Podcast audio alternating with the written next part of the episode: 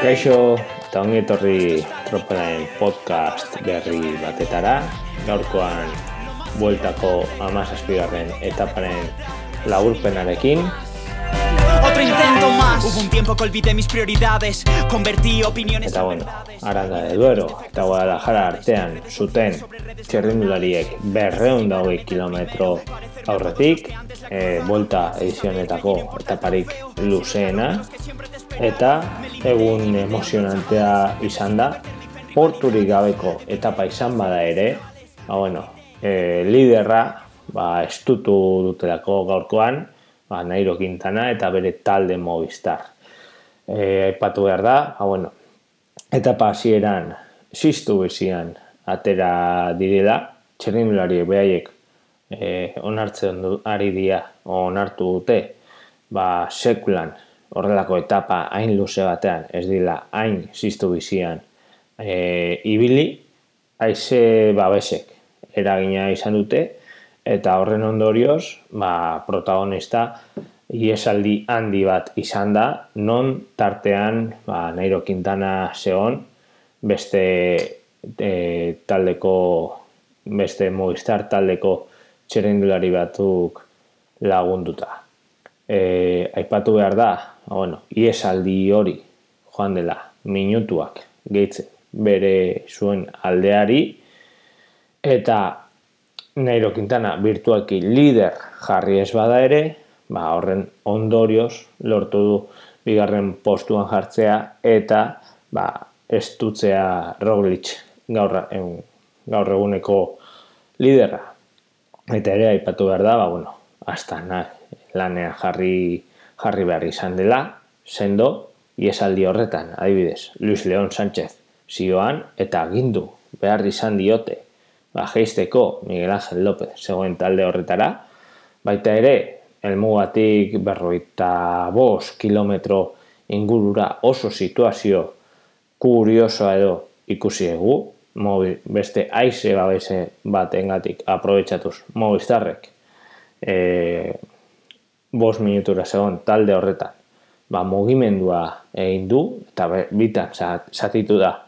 kilometro batzutan e, aize babesa eta gainera aldapan gora ustet e, okerrezoan zela. Eta baita ere, ba, bueno, situazio oso kuriosoa ez, e, Quintana aurrean, Movistar erasoan, azkenean batu egin dira berriro denak,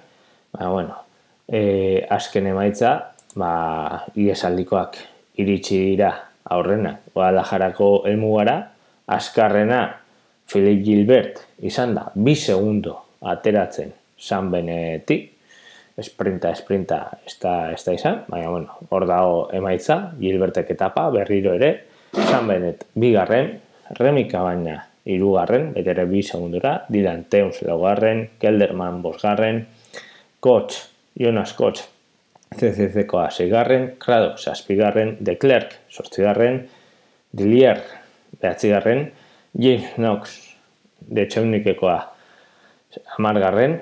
Eta, bueno, zekapen nahusiari begira, baldaketa nabarmenena, Nairo Quintana bigarren posturaino igo dela. Primoz Roglic jarraitzen du lider, orain Kolombiarra 2 minutu eta goita lau segundura dago, Valverde irugarren postura jaitxia 2 minutu eta berreta sortzi segundura, Pogatxar laugarren postura jaitxida podiumetik kanporatu da, eta 3 minutu eta berreta segundura jarri da, Miguel Ángel López lau minutu eta behatzi segundura bos garren tokian dago, Wilko Kelderman bos minutu eta bos segundura zeigarren, hor e, iesaliei esker, ba, bi postu egin ditu gora, Mazka e, bi postu egin ditu bera, borako poloniarrak zazpiarren tokien, zazpi minutu eta berroi segundura, James Knox, aipatu egun, e, Britaniar gaztea, detxeunikekoa, bi sortzi garren, sortzi minutu eta iru segundura, Karfredik Hagen boltako sentsazioa behatzi postuan jarraitzen du, eta Dylan Teuns amai minutu eta hogeita bat segundura lehenengo amar postuak izten dute. Primo Roglic jarraitzen du lider puntukako zekapenean, gazteenean pogatxarrek,